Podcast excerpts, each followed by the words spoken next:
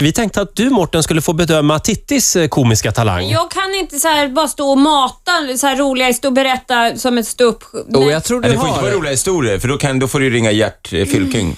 Ja. eh, Vad säger du nu? V- Alltså, hur har du förberett dig, Titti? Ja, jag har förberett mig genom att riva ut roliga historier. ur hemma. Titti! Det är ju inte stand-up. Kör nu. Kan vi göra så här? Eh, Ola, öppna dörren. Vi ska ha in lite publik här. Nej, Så men att, lägg av!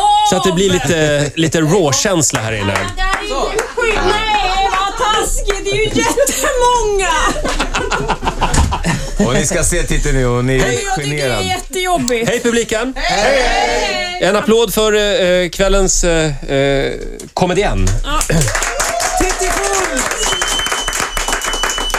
Tack ska ni ha. Välkomna hit ikväll till den här eh, stå upp-grejen som vi har här. Eh, vi kallar den överkokt istället för rå. Och jag, jag heter alltså... Kan jag vara här under pseudonym kanske? Ja, det går bra. Ja, jag, jag heter Kiki och jag ska, det är min första föreställning.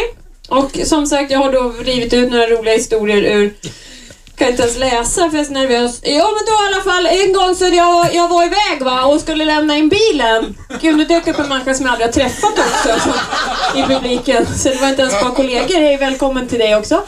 Eh, jo i alla fall, jag skulle lämna in bilen för jag, alltså det var inte jag som hade krockat den utan det var min sambo som hade krockat den för själv kör jag väldigt bra. Och då eh, sa han som jobbade där, då sa han att, eh, för det var ju en stor buckla. Eh, Ja, det var roligt. Ja, tack. Jättebra publik skulle jag vilja säga. Jo, men och då så sa jag i alla fall det har- att jag... Nu kommer jag inte riktigt ihåg hur den var, men det är något med en buckla i alla fall.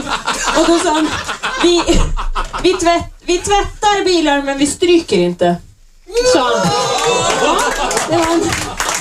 Det var en sann historia. Sen har jag själv varit lite krasslig på sistone. Så jag har hostat en hel del och då sa min, eh, min sambo att vilken jävla hosta du har, sa han. Och då sa jag, ja det är klart för jag har övat hela natten. Nej men jag tar en sista här nu. Den är lite, lite under bältet. Jag tänkte jag skulle våga lite. Jag har fått den här den här historien har jag själv inte upplevt utan det är min kompis Missa Kranzan som har upplevt den här en gång. Och hon tycker det här är väldigt roligt. Hon träffade nämligen världens vigaste man. Förstår ni? Han kröp upp i arslet och försvann. ja, tack ska ni ha för att ni står kvar. Ni kan gå nu. Nej, det är aldrig jag. Tack och hej.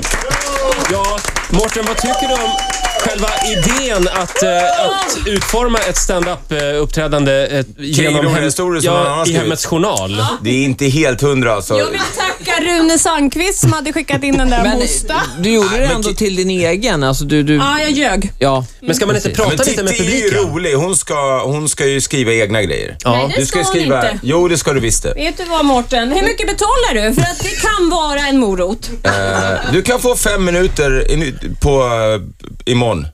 Eller vad är det för dag idag? Torsdag? Torsdag. Ja, imorgon har vi premiär. Då kan du få jag fem är minuter. så bokad imorgon.